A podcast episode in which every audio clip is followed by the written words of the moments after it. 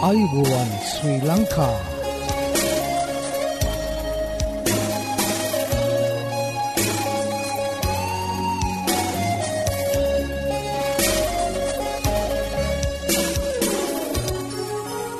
ඔබට සුපදවස මේ ඇඩවෙන්ටිස් වර්ල් රේඩියෝ බලාපොරොත්වය හඬයි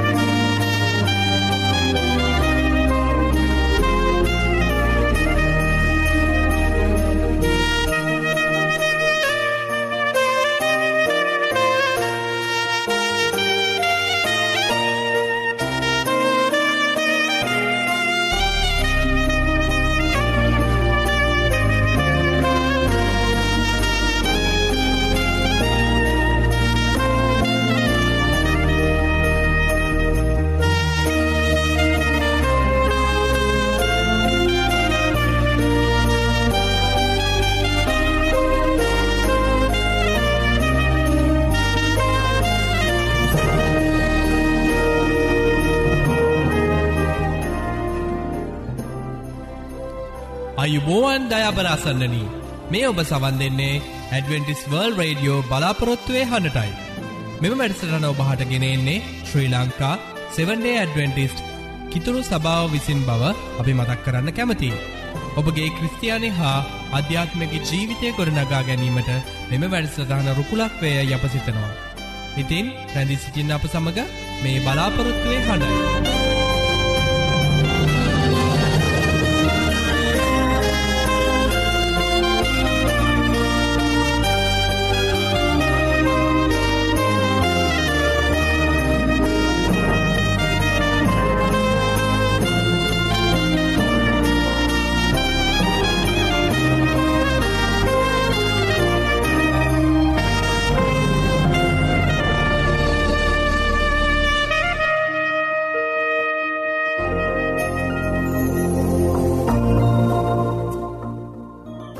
අද දිනේ බයිබල් පාටය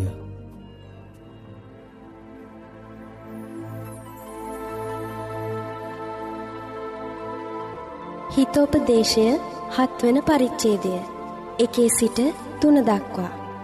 මාගේ පුත්‍රය මාගේ කීම් රක්ෂා කොට මාගේ ආඥා නුඹ වෙත තබා ගනින්න. මාගේ ආඥා පවත්වා ජීවත්ව යන්න. මාගේ උපදෙස්ද නුබේ ඇසේ කළුරුවාව මෙන් රක්ෂා කරපන්න.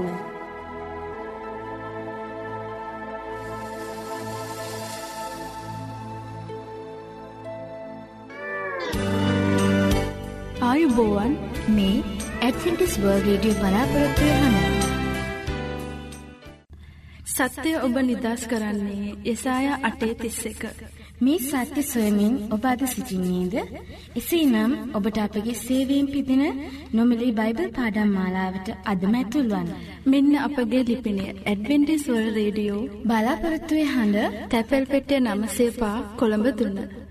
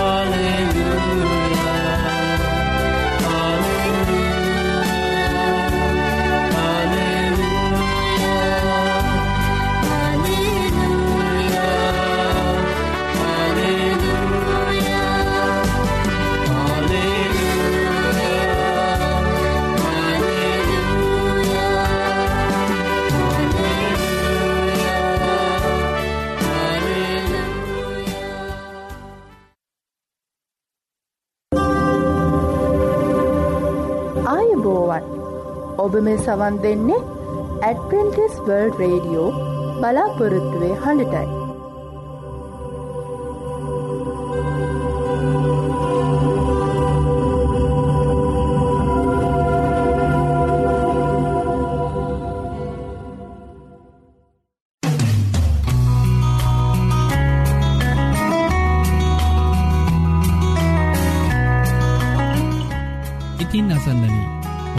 ස්තුතිවන්ත වෙනවා අපගේ මෙම මැරිසටාන් සමඟ එක්වී සිටීම ගැන ඇතින් අපි අදත් යොමුුවමු අපගේ ධර්මදේශනාව සඳහා. අද ධර්මදේශනාව ඔබහටගෙනෙන්නේ විලීරීත් දේවගෙදතුමා විසින්. ඉතින් ඔහුගෙනන ඒ දේවවාක්‍යයට අපි දැන් යොමු රැඳදි සිටින්න මේ බලාපොරොත්තුවය හඬ.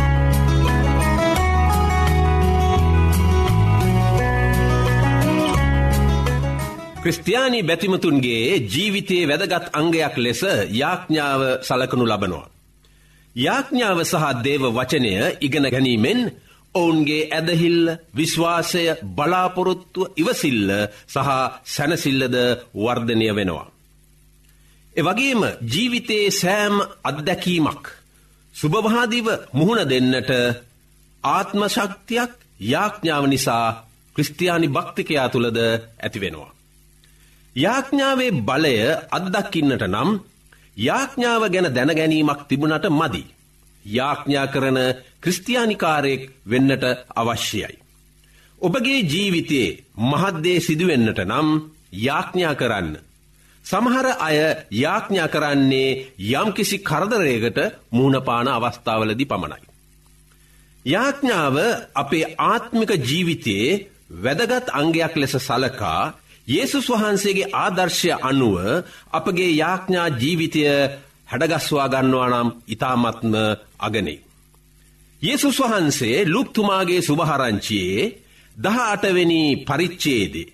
පළවෙනි වගන්තයේ උන්වහන්සේ අපට මෙවැන් අවවාද අනුශාසනාවක් දීතිබෙනවා. මම ඒ පදය කියවන්නම්. තවද ඔවුන් නොමැල්ලිව නිතර යාඥා කරන්ට ඕනෑ බව දක්වන පිණිස උපමාවක් කියන සේක. එසේනම් අපි නිතරම සෑම අවස්ථාවකම යාඥා කරන පුද්ගලයන් වෙන්ට ඕනෑ නේද අසන්නෙන. ස්වාමු යේසුස් කෘස්තුස් වහන්සේ නිතරම උන්වහන්සේගේ ශ්‍රාවකයන්ටත් උන්වහන්සේ අනුගමනය කරන සෑම පුද්ගලයකුටම පැවස්වේ නිතරම යාඥාවේ යෙදී සිටින්ට ඕනෑ බවයි. අපි මොහොතකට යේසුස් වහන්සේගේ යාඥා ජීවිතය දෙස බලමු. මක් නිසාද උන්වහන්සේ තමයි අපේ ආදර්ශය. උන්වහන්සේ යන අඩිපාරේ උන්වහන්සේගේ අනුගාමිකයන් යායුතු බවට පේත්‍රස්තුමා ඔහුගේ ලිපියක සඳහන් කර තිබෙනවා. අපි මොහොතකට සුද්දු මාක්තුමාගේ සුභහරංචියේ. පළවෙනි පරිච්චේදේ තිස් පස්වනි වගන්තිය දෙස බලමු ස්වාමියු යේසුස් කෘස්තුස් වහන්සේගේ ජීවිත රටාවේ මේ යාක්්‍යාව කොතරන් දුරට බලපාතිබෙනවාද කියලා බලන්නට. මම මේ පදය කියවන්නම්. උදය පහන්වෙන්ට බොහෝ ප්‍රථමයෙන් උන්වහන්සේ නැගිට වනාන්ත්‍ර ස්ථානයකට පිටත්ව ගොස් එහිදී යාඥා කළ සේක. උන්වහන්සේගේ පුරුද්දක් තිබුණා පාන්දරින්ම යාඥා කරන්න. මනසට හොඳ විවේකයක් තිබෙන මොහොතක් හිමිදිරි පාන්දර.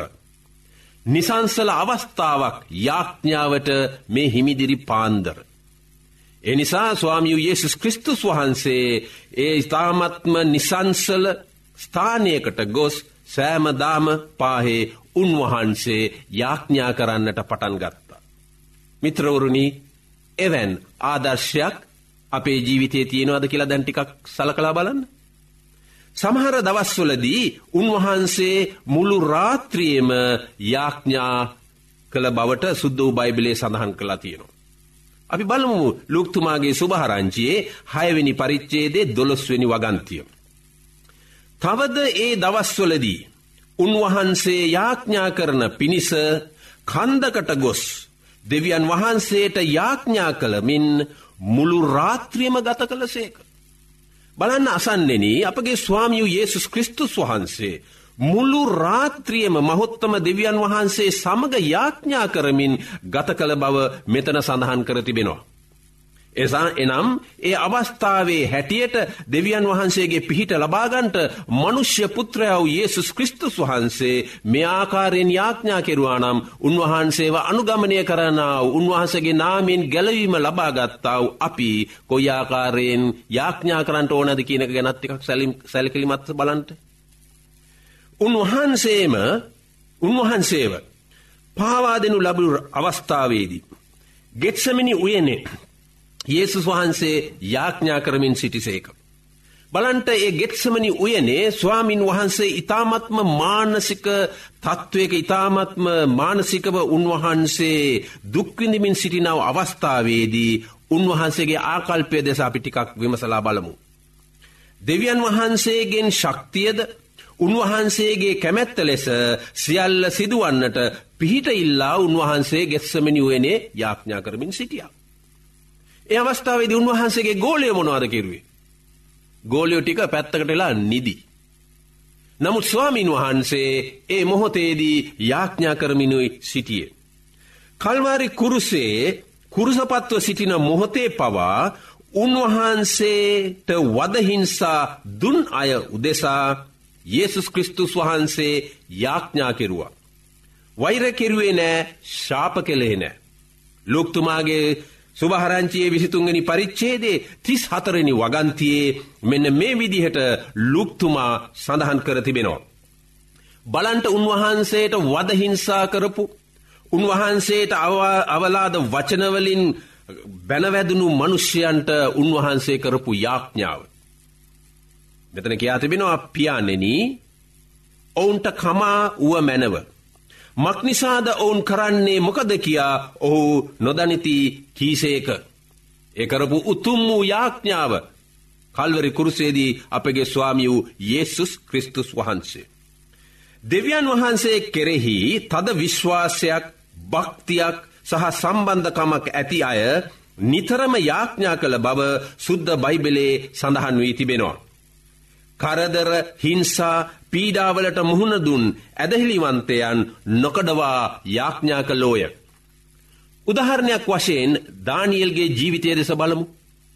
දානියල්ගේ සතුරන් ඔහුට එරෙහිව ක්‍රියා කරන අවස්ථාවක ඔහු පසුබට වනේ නැහැ. පලිගිනීමේ චේතනාවෙන් ක්‍රියා කළෙත් නැහැ. දානියල්ගේ පොතේ හයවනි පරිච්චේදේ දහවැනි වගන්තියේ. මේ විදිහට ඔහුගේ ජීවිත රටාව යාඥා ජීවිතය ගැන සඳහන් කර තිබෙනවා.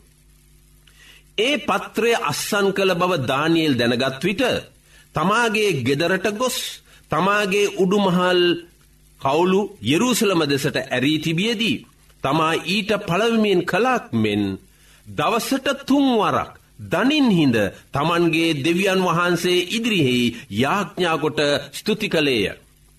බලන්ට මිත්‍රවරුණී ඔහුගේ මිත්‍රයින් ඔහුට විරුද්ධව ක්‍රියා කරන අවස්ථාවකදී.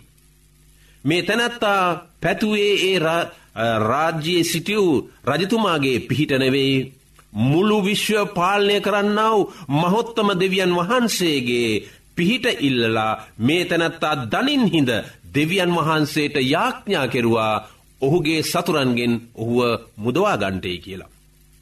එපමනක් නෙවෙයි ඒ අවස්ථාවේදී යාඥාකොට මේ තැනත්තා දෙවියන් වහන්සේට ස්තුති ප්‍රංශාසා කරපු බවට මෙතන සඳහන් වෙනවා. දහවිත් රදතුමා ඔහුගේ සතුරෝ ඔහුව ආක්‍රමණය කරන්නව අවස්ථාවකදී. මේ තැනැත්තා පසුබට වනේ නැහැ. එවැනි බාතක තිබියේදිත් ධාවිත් රජතුමා ඉතා සාර්ථක රජෙක් බවට පත් වුණ. එහි රාසකුමක්ද යාඥාවයි ඔහුගේ ජීවිතයේ සාර්ථකත්වයට රහස. දවිත් රජතුමා ගීතාවලියේ පනස් පස්සනි පරිච්චේදේ දාසය සහ දාහත්වනි වගන්තුයල මේ විදිහට ඔහු පවසනවා. මම වනාහි දෙවියන් වහන්සේට යාඥා කරන්නෙමි එවිට ස්වාමින් වහන්සේ මා ගලවන සේක. සවස සහ උදයද දහවල්ද දුක් කියමින් සුසුම්ලන්නෙමි උන්වහන්සේද මාගේ බස් අසන සේක. බලන්ට මේ තැනැත්තා මේ රජතුමා. උදේ දවල් සවස තුන් වතාවක්ම ඔහුගේ කරදරකාරි අවස්ථාවකදී නොකඩවා දෙවියන් වහන්සේට යාඥා කරලා උන්වහන්සේගේ පිහිට පැතුව. අසන්නෙන අපේ ජීවිතයක් මේ විදිහටද. අපි යාඥා කරන්නේ හදිසියක් වුණු අවස්ථාවකද කරදරයක් වුණු අවස්ථාවකද. හොඳ ජීවිතය හොඳින් තියෙන අවස්ථාවකද අපි දෙවියන් වහන්සේව අමතක කරනවාද. නැහැ. යේසුස් වහන්සේ වගේ දේව භක්තියෙන් යුක්තෝවේ පුරාණ පැරැන්නන් වගේ අපේ ජීවිතයේදී සෑම මොහොතකම සෑම අවස්ථාවකම දෙවියන් වහන්සේ සමඟ යාඥාවෙන් සතුටු සාමිචය අපි දෙන්නට අවශ්‍යයි. බලන්න එඩේර ජීවිතයෙන් රජකමට පත්වුණු ධවිත් රජතුමාගේ විශ්වාසය සහ දෙවියන් වහන්සේ සමඟ තිබුණු කිට්ටු සමීප සම්බන්ධකම. ඔහුගේ ජීවිතයේ දුර්වලකම්ද තිබුණා. ඔහුගේ යුද හමුදාවේ සොල්දාදුවෙකුගේ බිරිය කෙරෙහි ආසාාවක් ඇතිවී. ඇගේ ස්වාමිපුරුෂයා මරා ඇයව බිරිය කරගත්තා. ඔහු ප්‍රාණඝාතනයට වක්‍රව සහභාගය වනා පමණක් නොව කාම මිච්චාචාරයටද ඔහු පෙළඹුණා. ඔහුට නේදන්නම් අනාගත වාක්තුරුවරයා වරද පෙන්වා දුන් විට ඔහු වරද පිළිගෙන දෙවියන් වහන්සේට යාඥා කලා සමහාව ඉල්ලලා. මෙම යාඥාව පනස් එක්වනි ගීතාවලියේ දාවිද් රජතුමා ලියාතිබෙනවා මෙන්න මේ විදිහට. මෙම අපරාධය ගැන දාවිත් රජතුමා පසු තැවිලි වුණා. පසු තැවිලි වී යාඥාවෙන් මහොත්තම දෙවියන් වහන්සේගෙන් සමහාව ඉල්ලවා අලුත් මනුෂ්‍යයෙක් වෙන්නට. මෙන්න ඒ යාඥාවේ කොටසක් මම කියවන්නම්. ගීතාවලිය පනස එක්වෙනි පරිච්චේදේ පළවෙනි දෙවැනි සහ දහවෙනි වගන්තිවල මෙන්න යාඥාවෙන් සමහාව ඉල්ලන දාවිත් රජතුමා. දෙවියන් වහන්ස ඔබගේ කරුණාගුණය ලෙස මට දයාවුව මැනව. ඔබගේ අධික දයාබරකම ලෙස මාගේ අපරාධ මැකුව මැනව. මාගේ අයුතුකමින් මා සම්පූර්ණයෙන්ම සේදුව මැනව. මාගේ පාපයෙන් මා පිරිසිදු කළ මැනව. දෙවියන් වහන්ස පවිත්‍ර සිතක් මාතුළ මැව්ව මැනව. බලන්ට වරද පිළියරගෙන යටහත් පහත්වෙමින් අලු ජීවිතයක් ආරම්භ කරන්නට ඒ පාපේ යළිත්වරක් නොකර සිටින්නට මේ තැනැත්තා දෙවියන් වහන්සට යාඥාවෙන් පසුතැවිලිවී යාඥාවෙන් සමහාවේ ඉල්ලවා.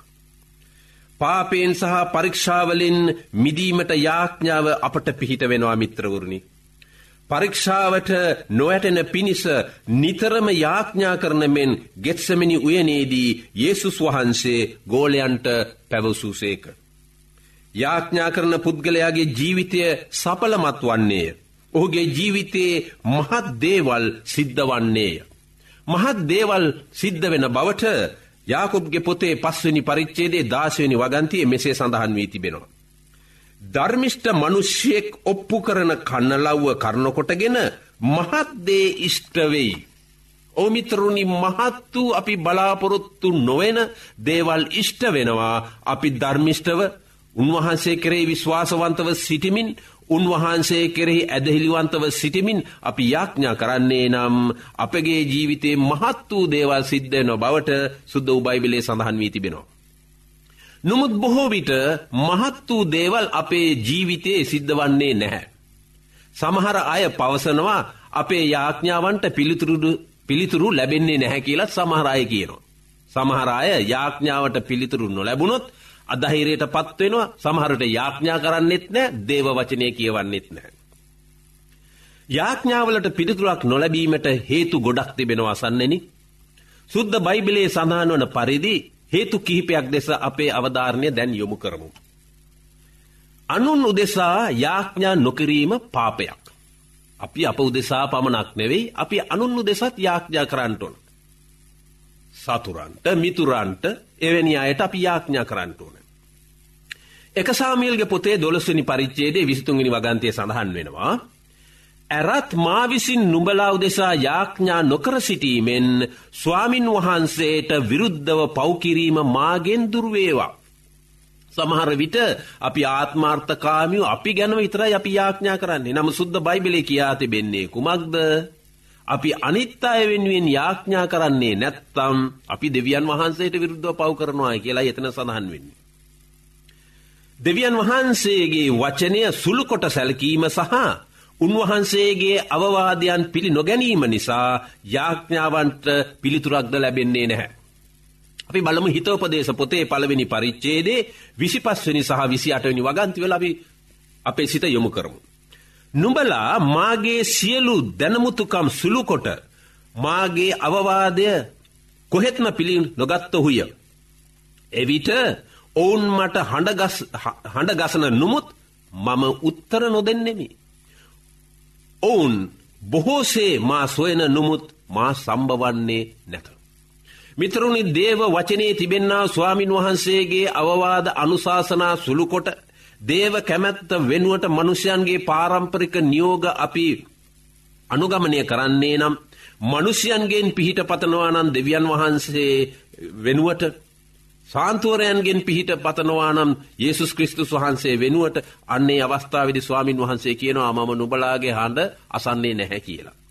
අපගේ සිත්වල අයිතුකම් තිබෙනවා නම් රහස්‍යව අපි පාපයේ යෙදෙනවා නම් එවිටද අපගේ යාඥාවලට පිළිතුරක් ලැබෙන්නේ නැහැ. මේ ඉතාමත්ම පැහැදිලිව ගීතාවලිය හැටහයවෙනි පරිච්චේදේ දහටනි වගන්තයේ සඳහන් කර තිබෙනවා. අයිතුකම් කිරීමේ අභිප්‍රහයක් මාගේ සිතෙහි ඇත්නම් ස්වාමින් වහන්සේ මාගේ බස් නාසනසේක. දෙවියන් වහන්සේගේ විවස්ථාව ඇසීමෙන් තමාගේ කන් ඉවතට හරවාගන්නාගේ යාඥාව පිළිකුලක් බව හිතෝපදේශ පොතේ විසි අටවනි පරිච්චේදේ නමවෙනි වගන්තයේ සාලමොන් රජතුමාද පවසාතිබෙනවා. ස්වාමින් වහන්සේගේ විවස්ථාව අනපනත් කඩකරනවා නම් ඒක පාපයක්. පව් කරන්නාව අයගේ යාඥාවන්වලට ස්වාමින් වහන්සේ සවන් නොදෙන බවටයි මෙතන සඳහන් කර තිබෙන. එසේ නම් මිත්‍රෘත්නි අපගේ ජීවිතය අපි කරන යාඥාවන්වලට පිළිතුරක් ලැබෙන්නේ නැත්තං මෙන්න මේ කරුණු අපේ සිත්වල තිබෙනවාද කියලා ටිකක් සොයල බලන්න. සමහර විට ලෞකික තෘෂ්ණාවන් ලබා ගැනීම සඳහා කරන ඉල්ලීම්ද තිබෙනවා. අපගේ ජීවිතය විනාශන අන්දමට දෙයක් ඉල්ලුවොත් එයත් දෙවියන් වහන්සේ අපට ලැබෙන්න්නට සලස්වන්නේ නැහැ. අපි යාකොබ්ගේ පොතේ හතරනි පරිච්චේදේ තුන්ගෙන වගන්තයට අපගේ සිත යොමු කරමු. නුඹලා ඉල්ලන නුමුත් නුඹලාගේ තෘෂ්ණා ගැන වියදම් කරන පිණිස වැරදි ලෙස ඉල්ලන බැවින්න ලැබෙන්නේ නැත. දම්මං හිතනවා මේ දේශනාවට දෙමවපියෝ වැඩිහිටියෝ සවන් දෙනවායි කියලා. දෙමවපියනි ඔබගේ දරුවා යම් කිසි හානියක් වෙන විදිහට දෙයක් ඉල්ලුවොත් ඔබ දෙනවාද දෙන්නේ නැහැනේද. ඒවගේ තමයි අපගේ මහොත්තම දෙවියන් වහන්සේ. අපට යම්කිසි විනාශයක් වෙන පරිදි අපි වැරදි ලෙස ඉල්ලනවා නම් දේව ප්‍රේමිය කරනු කොටගෙන උන්වහන්සේ අපට දෙන්නේ නැහැ. හොදයිසේ නම් අපි සියල්ල ඉල්ලන්නට ඕනෑ දෙවියන් වහන්සේගේ නාමෙන්. නුඹලා මාගේ නාමෙන් කොයි දියක් ඉල්ලන්නේද? මම ඒ ඉෂ්ට කරම. අන්න මිත්තුරුණි ඒසුස් kristus වහන්සේගේ නාමෙන් අපි යමක් ඉල්ලන්නේද? අන්න එවිට ස්වාමින් වහන්සේ ඒ සියලුදේ අපට ලැබෙන්නට බලාපොරොත්තුවෙනවා පොරුන්දුවක් තී තිබෙනවා. එනිසා ක්‍රිස්තුස් වහන්සේගේ නාමෙන් සියලුදේ ඉල්ලන්ට එවිට උන්වහන්සේගේ තේජසේ සම්පතේ ප්‍රකාරයට ඔබලාගේ සියලුම හිඟකම් සම්පූර්ණ කරන බවට පිළිපවරුන්ගේ පොතේ හතරනි පරිච්චේදේ දහනමනි වගන්තය සඳහන්ක තිබෙනවා. ඒසුස් ක්‍රිස්තුස් වහන්සේ සමඟ මිත්‍රයෙක් සමඟ කතා කරනවාමෙන් යාඥා කරන්ට ස්වාමින් වහන්සේ එවිට ඔබගේ යාඥාවට සවන් දෙනව ඇති දෙවියන් වහන්සේගේ ආශිරවාද ඔබ සියලු දෙෙන මහොත්තම දෙවි ස්වාමිනී ඔබහන්සේ පොරුන්දු වී තිබෙන්නේ විපත්ති දවසේදී මට යාඥා කරන්නට එවිට මම නුබට උත්තරදී නුඹව මුදවාගන්නවා කියන්න පොරුන්දුව පරිදි ස්වාමීනී මේ වැඩසටහනට මේ දේශනයට සවන් දෙන්නාව සෑම ආගමකට ජාතිකට අයත් සියලුම මනුෂ්‍යයන්ට ඔබ වහන්සේගේ ආශිර්වාද ලැබෙත්වා. ඔබ වහන්සේ කරේ විශ්වාසය තබ ඔබ වහන්සේ යාඥාවට සවන් දෙන ස්වාමින් වහන්සේ ලෙස ඔවුන් පිළිඅරගෙන ඒ විශ්වාසයෙන් යේසුස් කෘස්තුස් වහන්සේගේද ආදර්ශය ඇතිව ස්වාමීණී මේ අයට ඔබ වහන්සේ ආශිර්වාද කරන්ට යාඥාවට ආශිර්වාද කරන්ට කියලා අපි ඉල්ලා සිටිනවා ඒවගේම ලෙඩදුක්කොලින්ද නොෙක් දුක් කම් කටලු කරදර මධ්‍යයේ සිටින්නාව තීරණ ගන්නට බැරි යමෙක් සිටින්නේද මේ අසන්නන් අතරෙහි ඒ සියලු දෙනාට ඔබගේ ඔබහන්සේගේ චිත්ත සාමය ඔවුන්ට උදාවෙත්වා. එවගේම ඔවුන්ගේ අනාගත බලාපොරොත්තු ස්වාමිනි ඔබහන්සේ කෙරෙහි ඇති විශ්වාසය කරන කොටගෙන ධනාත්මක චින්තනයෙන් යුක්තව බලාපොරොත්තුවෙන් ඉදිරියට යන්නට මේ සියලු දෙනාම දිරිමත් කරන්නට ඔවුන්ගේ යාඥාවන්වලට සවන්දෙන්ට කියා ඉල්ලමින් අපේ රටේ සියලු ජාතීන්ටත් අපේ රටේ සියල්ලුම පුරවැසියන්ටත් ඒවගේම රාජ්‍යනායකයන්ටත් ඔබහන්සගේ ආසිරවාද ඉල්ලා යාඥා කරන්නේ යේසුස් වහන්සේගේ අතිමහත් වූ පින්වත්නාමය නිසාමය ආමේ.